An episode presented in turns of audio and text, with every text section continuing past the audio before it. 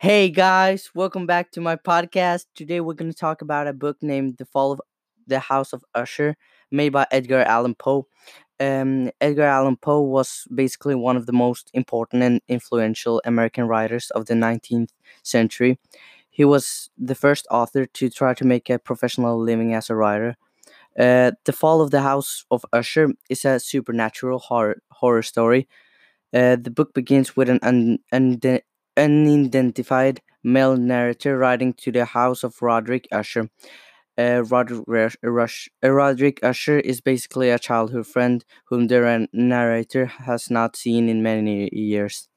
The narrator explains that he recently received a letter from Roderick detailing his worsening mental illness and requesting the narrator's company.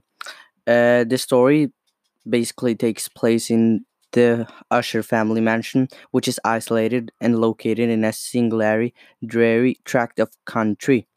The house immediately raises up in in their narrator a sense of insufferable darkness, and it is described as having bleak walls, vacant eye-like brows, and minute fungi overspread on the whole exterior. Uh, the main characters in the Fall of the House of Usher are the narrator, Roderick Usher, and Madeline Usher. The narrator is Roderick's childhood friend, and he comes to visit Rod- Roderick to cheer him up and restore his mental health. He was the only surviving witness to to the events of the story.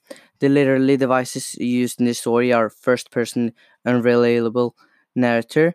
The story is told through a narrator whom claims to have known Roderick Usher in childhood.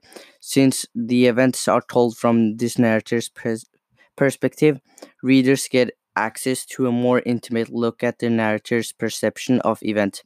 Another literally lit- literary device used in the story is the house as a symbol of and foreshadowing. Multiple locations within the text state that the house serves as a symbol for the ushers, so much so that is that its fate relates to that of the family. The feature that the narrator sees running through the span of the house serves a foreshadowing for hap- what happens at the story climax. In my opinion, the book is very exciting and sometimes can be a little scary, but I guess that's what makes the book, book so great. so that's it for today, guys. Don't forget to subscribe and give this podcast a thumbs up. I hope you liked it, and I will see you in the next episode. Peace.